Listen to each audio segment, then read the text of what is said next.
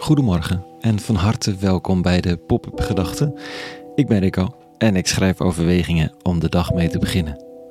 Vandaag met de titel Boven is het stil. Pop-up Gedachten woensdag 28 september 2022.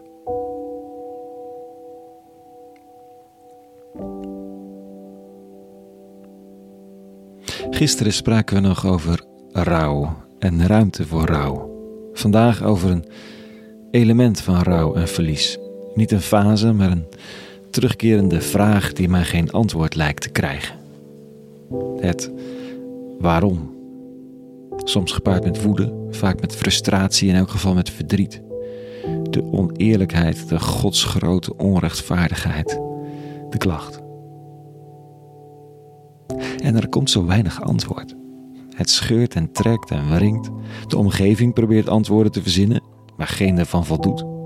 En boven is het stil. Nee, ook de gelovige krijgt geen briefje met een verklaring, zo die er al zo zijn. Heel soms kan er een gevoel van rust neerdalen, maar dat is ook niet gegarandeerd. Niet voorbehouden aan gelovigen ook. Het is stil. Dit zegt Job vandaag in het briljante, theatrale, ongelooflijk bijzondere boek over een man die alles werd afgenomen en vervolgens in dialoog gaat met zijn vrienden. Het voelt, het hele boek, als het script van een voorstelling. Hier zegt Job, vrij in het begin. Hoe kan een mens tegenover God in zijn recht staan? Wanneer hij hem ter verantwoording wil roepen, geeft hij hem niet eens op de duizendmaal antwoord.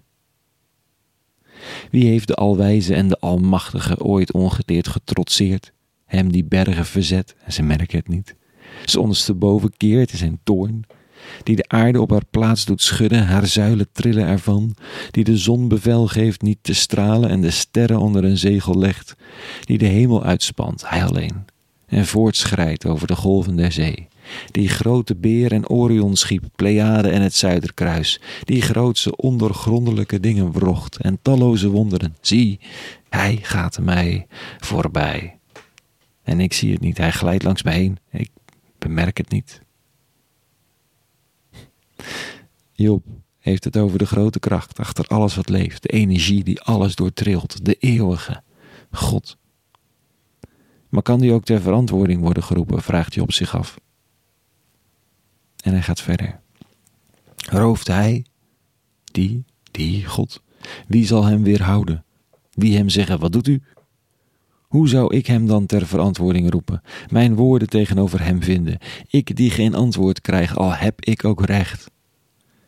Maar mijn rechter om genade moet smeken, en al gaf hij mij antwoord als ik riep, dan geloof ik niet dat hij naar mij zou luisteren.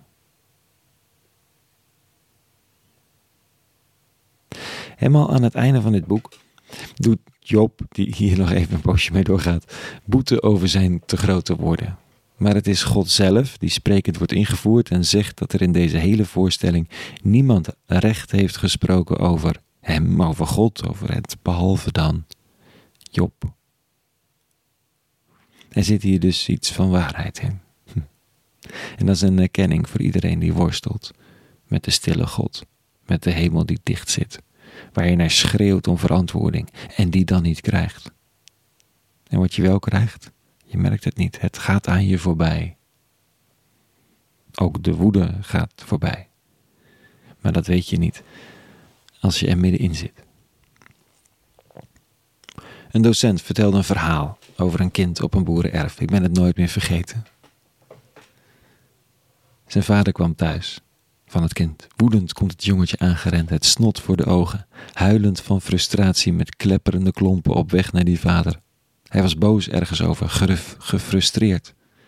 Wat het was, dat weten we niet eens. Bij vader aangekomen schopt hij de klompjes tegen diens schenen. Stommerd idioot, ik ben boos. En de grote handen van de vader grijpen het woedende ventje onder de oksel en tillen hem omhoog. Zijn, zijn vuistjes trommelen op diens borstkas. Dan omarmt hij het tegenstrippelende mannetje die nog gilt: Ik haat je. Vader bromt: Ja, ja, kom maar. De schouders van het jochje beginnen te schokken. Nu huilt hij echt. Klemt zich tegen zijn vader aan. Pas als hij tot rust is gekomen, begint hij te vertellen over zijn woede. Vader laat me zakken, geeft hem een hand. Samen lopen ze verder het erf op. Hij heeft niets gezegd. Hij was er niet. Tot hij er wel was. Hij verdedigde zich niet. Uiteindelijk was hij er alleen. En samen liepen ze verder het erf op. Het is een beetje een bloemrijke versie van het verhaal van de docent, maar het laat me niet los. Dus adem ik in en uit. En de dag is begonnen. Wie weet met nieuw perspectief voor jezelf of juist voor een ander. Over woede over stilte, over zijn. Voor nu een hele goede woensdag gewenst. En vrede. En alle goeds.